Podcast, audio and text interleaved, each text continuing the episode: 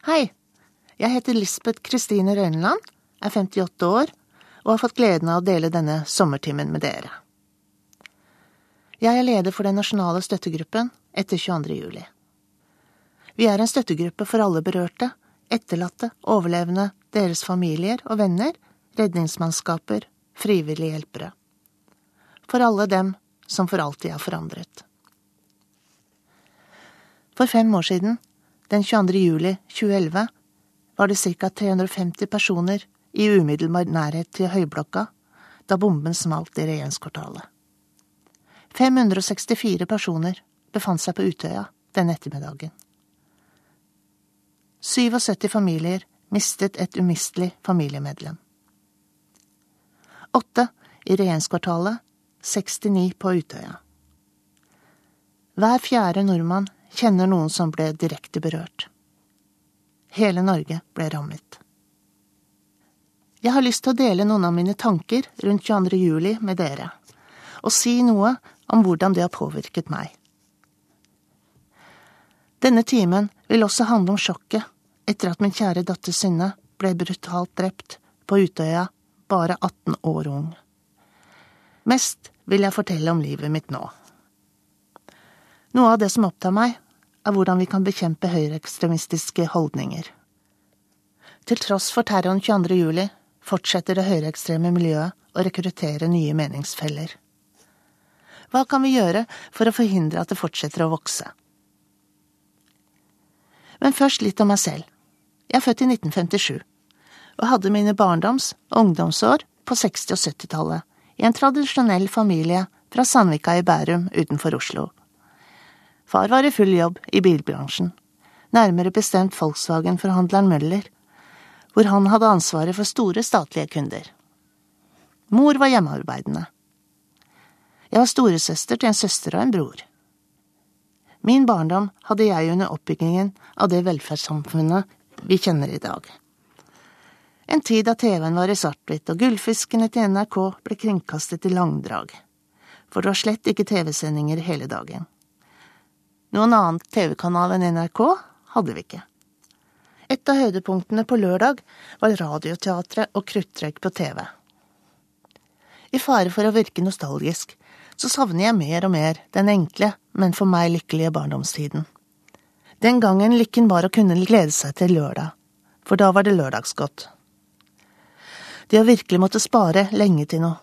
Det kunne være en bok eller en LP, ja, for det het det den gangen, med Pink Floyd. Jeg glemmer aldri lykkefølelsen da jeg som 15-åring hadde spart nok til å kjøpe Pink Floyds album The Dark Side of the Moon, og hørte Money i stereo for første gang. Jeg har den fremdeles, full av hakk etter hundrevis av avspillinger på en analog platespiller med stift. Nå er velferden så god her i landet at mange av oss kan kjøpe musikk og forbruksvarer på sparket, uten å måtte spare eller tenke oss så mye om. Vi har flotte, smarte mobiltelefoner og er alltid tilgjengelige. Har vi mistet noe på veien? Har vi blitt for mette? Ja, det mener jeg. Engasjementet har stilnet for mye. En mett mage klager ikke, dessverre. Jeg vil snart fortelle om det som forandret livet mitt og min familie for alltid. Jeg har født to flotte jenter, med to og et halvt års mellomrom. Det flotteste jeg har opplevd her i livet. To nydelige jenter med pågangsmot og hver sin sterke vilje. Min yngste, Synne, slet i ungdommen. Hun ble heldigvis fanget opp av en observant helsesøster på skolen. Hun kom gjennom en vanskelig periode med hjelp av familien og BUP, barne- og ungdomspsykiatrisk poliklinikk. Synne var en av mange unge jenter som sliter fordi presset på hvordan ungdom skal se ut i dag, er nesten umenneskelig. Dette påtatte glansbildet om at alle skal være perfekte, har ingenting med virkeligheten å gjøre. Alle er vi forskjellige, og forskjelligheten er det som gjør oss til gode medmennesker, mener jeg. Alle disse dagene som kom og gikk, ikke visste jeg at de var livet, har den svenske dikteren Stig Johansson sagt. Så slapp mer av, dere flotte ungdommer der ute. Det viktigste er ikke å alltid være best. Vær deg selv og en del av mangfoldet, og nyt livet. Min Synne skrev etter hvert sin egen blogg om kropp og selvbilde, og inspirerte andre til å bli glad i den man er. Vår lille familie kunne endelig slappe av. Lillesøster var ok. Ja, våren 2011 var egentlig livet helt ok. Synne gledet seg til sin første sommerleir på Utøya. Hun var i ferd med å blomstre. Da Synne fylte 18 i januar 2011, kunne hun endelig tatovere seg uten min velsignelse. Hun kom stolt hjem med ordet kjærlighet skrevet i store bokstaver på norsk, godt synlig på høyre arm. På bloggen sin skrev hun Hva gleder meg? Hva gir meg livslyst? Hva er det som får tærne mine til å krype sammen, huden min til å nuppe seg og kinnene mine til å rødme? Det er morgengry. Det er kram snø under vintersko med tykke sokker. Det er munnspill og gitartoner. Det er hjerteskjell på stranden og tang mellom tærne. Det er latteren til vennene mine. Det er smil på gata. Det er jazz om natten. Det er København, og det er Oslo. Det er dagene vi tilbrakte i enga, i hengekøya. Det er å plukke blåbær og markjordbær langs veien. Det er når jeg med en gang kan se Orions belte uten engang å lete på nattehimmelen. Det er å skrike av glede, av redsel, av gledesredsel og fryd. Å lage noe selv. Å høre nye, fine ord. Nyvasket sengetøy og nydusjet kropp. Det er fantastiske kyss. Det er trompet, og det er saksofon. Det er alt som føles så godt mot kroppen, som gjør meg varm innvendig, og jeg kunne skrevet om det i evigheter. Det som jeg aldri glemmer, og det som får meg til å smile på bussen. Når alt kommer til alt, så er det det og de jeg har kjærlighet til, og de som har kjærlighet til meg. Det er det som holder meg her. Det er det som løfter meg. Så enkelt er det. Dette var et sitat fra Synnes blogg, page 200. Så skjedde det grusomme som skulle forandre alt. Fredag den 22. juli 2011. Terror i Oslo og henrettelser på Utøya. De fleste av dem barn eller ungdom. Halvparten av de drepte var 17 eller 18 år. Min datter Synne var en av dem. Jeg har inntrykk av at alle jeg møter, husker godt hvor de var og hva de tenkte da de skjønte dimensjonene av det som skjedde 22. juli for fem år siden. Jeg husker at jeg holdt på med mitt den dagen, små huslige sysler, med Tour de France i bakgrunnen på TV. Det var siste feriedagen min, og jeg skulle tilbake på jobb på mandag. Da hørte jeg et drønn. Klokka var halv fire. Trodde det var tordenvær på gang. Jeg bor på Manglerud i Oslo, ikke langt fra Ryenkrysset, så lyden må forsterke seg gjennom tunnelen. Så begynte de ekstra nyhetssendingene å rulle over skjermen. Bombe i Oslo. Min første tanke gikk til familien. Kristine var hos meg, Synne på Utøya, og resten av familien visste jeg var trygge. Så kom tanken, Synne, var hun virkelig på Utøya, eller hadde hun planer om å komme hjem til Oslo i dag? Første SMS sendte jeg klokken 16.14. Spurte om hun fortsatt var på Utøya. Hun svarte ja, og lurte på hvordan det gikk med oss. Hun satt i kafébygget sammen med mange andre og ble informert om hva som hadde skjedd i Oslo. Jeg husker at jeg tenkte, takk og lov at hun fortsatt er på Utøya. Der er det trygt. Vi SMS-et litt fram og tilbake om Oslo. Siste melding kom fra Synne klokken 17.11. Alt er ok, var meldingen jeg fikk. Deretter fikk jeg aldri noe flere svar. Jeg ringte og tekstmeldte hele kvelden. Lite visste jeg da at hun var drept rett etter klokken 18. Politiet kom for sent. Jeg hørte på nyhetene at pårørendesenteret var i Sandvika. Jeg ventet på Synnes pappa, som hadde vært i Risør på besøk hos sin mor. Vi reiste alle tre, barnas far Tore, Kristine og jeg, sammen til Sandvika. Der skjedde det lite. Vi ble registrert inn på håndskrevne lapper. Utholdelig venting, om lag en time. Inntil vi fikk beskjed om å reise til Sundvolden i stedet. Da var E16 stengt, og vi måtte ta en lang omvei. Vi var ikke på Sundvolden før i ellevetiden den kvelden. Det var som å gå i en uvirkelig boble. Busslass med busslass med traumatiserte ungdommer kom. Noen av dem var stille, i sjokk. Noen gråt hysterisk. Mange klamret seg til hverandre innpakket i tepper. Jeg husker spesielt de blodige sokkene. Mange hadde løpt uten sko, på skarpe steiner langs vannkanten. De merket ikke smertene før de kom til Sundvolden. Jeg husker jeg trodde jeg bare skulle hente Synne. Jeg lette overalt, også i hotellrommene hvor dørene sto åpne. Av en eller annen grunn trodde jeg at hun sov. Jeg ville ikke vekke noen med å være hysterisk og rope. Så irrasjonell kan man bli når man er i sjokk. Så oppdaget jeg veggen. Veggen med alle navnene til de som hadde registrert seg og overlevd. Jeg fikk plutselig en assosiasjon til Schindlers liste, Steven Spielbergs film om hvordan tusen polske jøder ble reddet fra holocaust.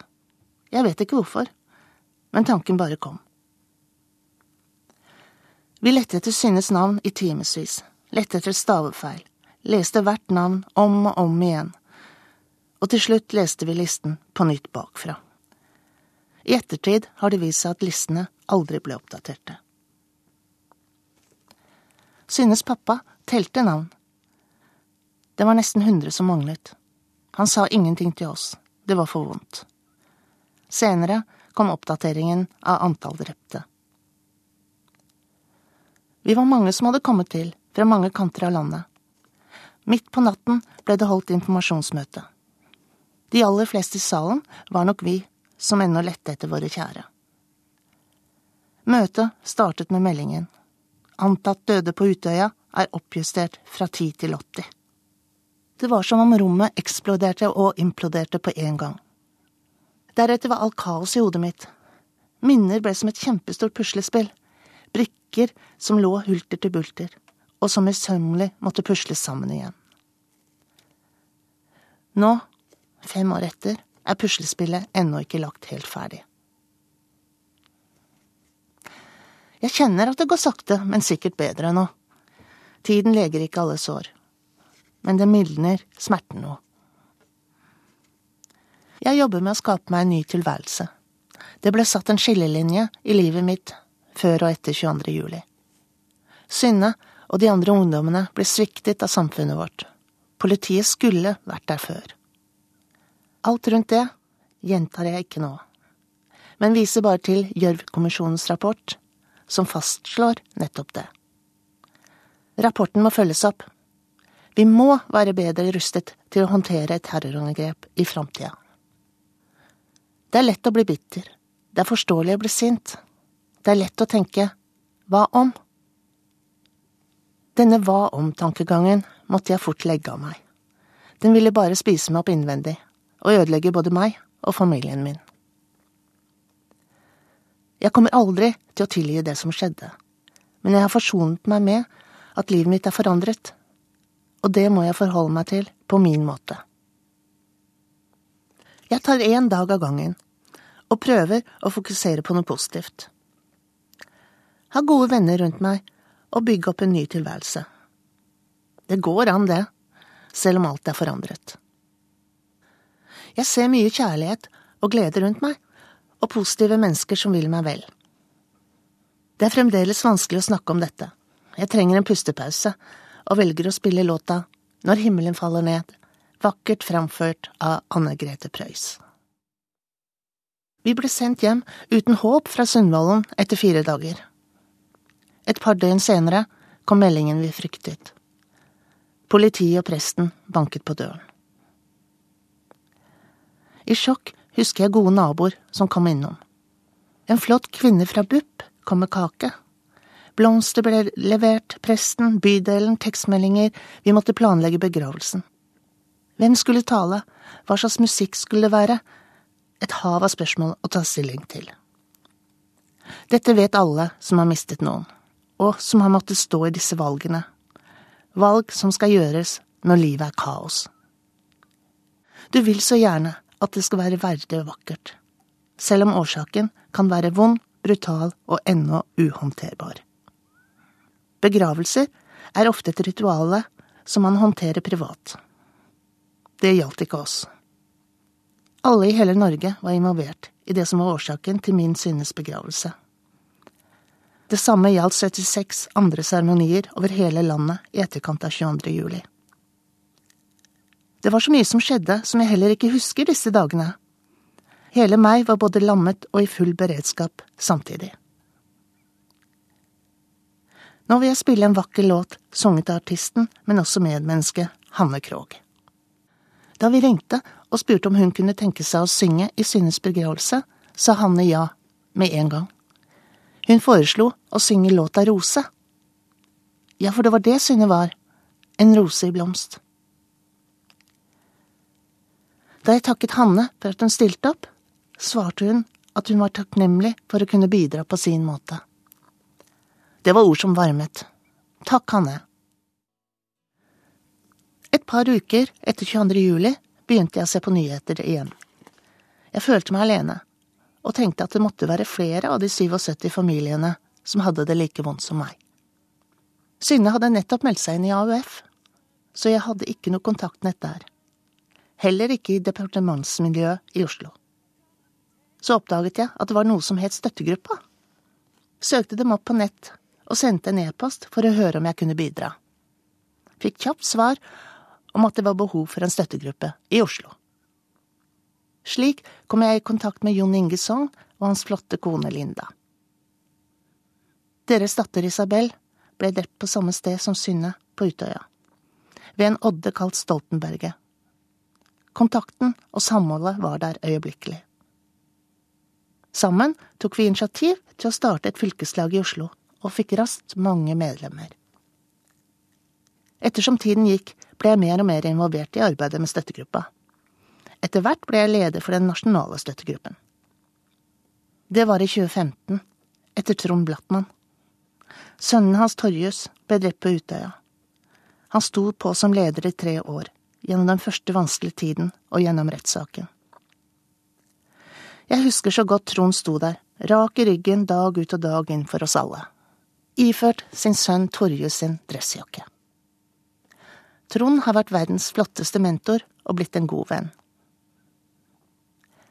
Mange av de etterlatte og foreldrene til de som kom tilbake, har blitt mine nærmeste venner, til tross for at vi skulle ønske at vi aldri hadde truffet hverandre. Jeg har lyst til å fortelle dere mer om denne fine støttegruppa og menneskene som driver den. Vi er mennesker som jobber med det som kalles likemannsstøtte, helt på frivillig basis. Vi har et nasjonalt styre og 16 fylkeslag, spredt over hele landet. Alt arbeid vi gjør, er basert på frivillig innsats av oss berørte selv. Jeg er stolt av denne flotte organisasjonen som er bygget opp over flere år. Nye medlemmer kommer til, og mange stiller som styremedlemmer i fylkeslag og det nasjonale styret. Det er ikke så mange som kjenner dette begrepet likemannsstøtte. Forsvaret kaller det for kameratstøtte. I praksis betyr det at vi tar vare på hverandre, ikke som en sorggruppe, men gjennom å skape møteplasser der man kan tilbringe tid sammen med andre i samme situasjon. Der vi ikke trenger å forklare så mye, men dele og hjelpe hverandre. Vi bygger hverandre opp. Fordi vi har opplevd det samme, forstår vi hverandre på en måte ingen andre kan. Vi har hatt mange samlinger med psykologer og andre fagpersoner, Alt tilrettelegges for å skape en arena for gode samtaler oss imellom. Jeg husker med takknemlighet etterlattesamlingene på Gardermoen. Samlingene skapte samhold og ga meg en verktøykasse for å takle hverdagen. Jeg husker så godt hvor sterkt det var å komme inn i en stor sal på hotellet første gang. Salen var fylt til randen med rundt 300 personer, alle etterlatte. Det enorme omfanget slo imot meg som en slegge i magen. I fjor arrangerte vi i støttegruppa en samling for overlevende ungdom etter Utøya, i samarbeid med Helsedirektoratet. Det var aller første gangen det var invitert til et nasjonalt treff for denne gruppa. Det ble en god samling og en nyttig samling. Noen fortalte om sine opplevelser for første gang da. Vi har også hatt samling for nære venner. Venner har i stor grad blitt glemt, dessverre. Forskningsresultater viser at venner er i høyeste grad berørte og trenger det samme samholdet en slik samling kan gi dem. Og tilbakemeldingene var udelt positive. Støttegruppa har betydd uendelig mye for meg. Mer enn noen psykolog noen gang kunne. Det vet jeg nå, fem år etter. Det som skjedde den 22. juli, endret meg for alltid. Jeg har blitt bevisst på å unngå stress. Jeg unngår mennesker som drar meg ned. Detaljer er ikke viktig lenger, og jeg tør også mye mer enn før. Det verste som kan skje, har jo allerede skjedd. Hvert år den 22. juli arrangerer støttegruppa minnemarkeringer i regjeringskvartalet og på Utøya. Du har kanskje sett oss i mediene der vi står på Utøya rett i ryggen og tar imot alle berørte som ankommer øya. Vi deler ut vann, smil og noen trøstende ord iført våre egne støttegruppeskjorter. Det er viktig for oss å være der, men det er også tøft å møte alle som kommer denne spesielle dagen. Det er foreldre med ungdom som har blitt forandret for alltid. Ungdom som har sett en brutalitet som ingen barn eller unge skulle ha sett. Det er da det gjør ordentlig vondt. Jeg får flashbacks til den natten på Sundvolden, da alt raknet. Øynene til min eldste datter, den bunnløse fortvilelsen og sorgen da hun forsto at Synne aldri ville komme tilbake. Det kommer jeg aldri til å glemme eller fortrenge. Det øyeblikket og de øynene er prentet inn i meg og vil være med meg for alltid. Jeg ser det igjen i øynene til de unge som kommer, de som mistet en søster, bror eller nær venn. Mange kommer denne spesielle dagen. Det er unge mennesker som er skadet for livet. Det er hjelpemannskap og frivillige hjelpere. Det er besteforeldre og foreldre. De kommer for å minnes og bidra til at vi aldri vil glemme. Vi er sammen om det grusomme som skjedde oss alle den fatale dagen. Vi står der med hver vår sorg, men vi er sammen. Og det er det som gjør at vi kan klare denne oppgaven, disse timene hver 22. juli på Utøya. Synne og 76 andre ble drept for det de trodde på 22. juli 2011. De trodde på demokrati og solidaritet. Én mann trodde det ga ham rett til å drepe dem den dagen. Dette grumset er vanskelig for mange av oss å snakke om, det vet jeg. Men kjære alle sammen, vi må tørre å snakke om dette, det går ikke vekk. Det bare vokser om vi ikke tar igjen, og står opp mot tankegodset som dreper. Under rettssaken etter terroren 2011 skrev forfatter Kristoffer Schou i Morgenbladet veldig godt om hvorfor han var nødt til å høre etter hva den høyreekstreme terroristen sa. Han skrev om hvordan han ikke bare lyttet etter de faktiske ordene, men også forsøkte å forstå hvor de kom fra. Jeg siterer Skau.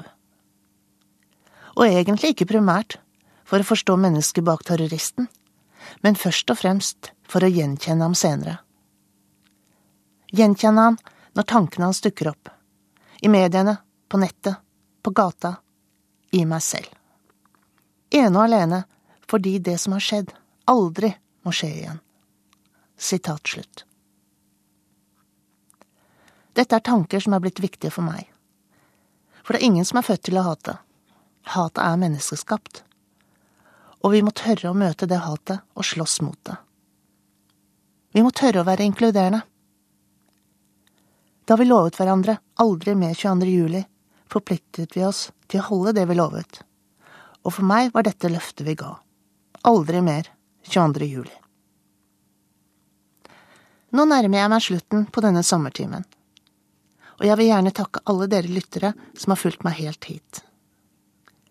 Før jeg avslutter, vil jeg ta en sving tilbake til temaet om de unges vanskelige hverdag, et tema som betyr mye for meg.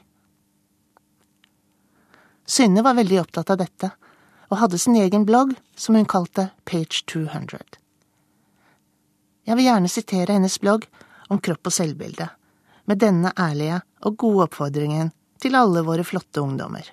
Synne skrev. Jeg lever bare én gang, og jeg ble født inn i denne kroppen. Og jeg vil gjøre det beste ut av det. Jeg er takknemlig for at jeg er her, og jeg vil ikke kaste bort tiden min på å hate utseendet mitt. Dyrk det som gjør deg lykkelig, om så det bare er for et par sekunder. Oppsøk oppmuntrende internettsider. Ikke vær redd for å se deg i speilet. Ikke la utseendet ditt være en hindring. Skriv en liste over ting du liker ved deg selv, tegn hjerter og fine, oppmuntrende ting i margen. Bli kvitt dårlige vaner og dårlige personer i livet ditt. Smil masse.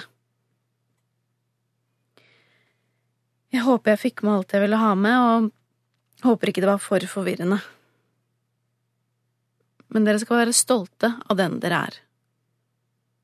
Fordi det er bare én av dere.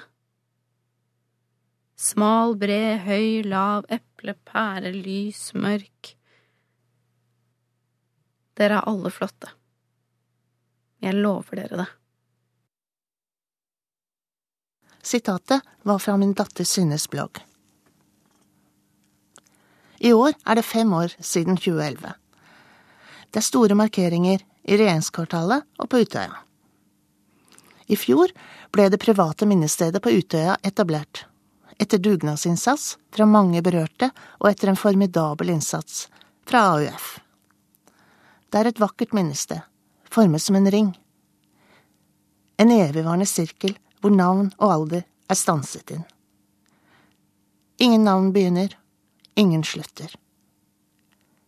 For meg er det som om navnene danser i takt med sollyset som glimter gjennom bokstavene. Uavhengig av årstid, de forandrer seg alltid og lever.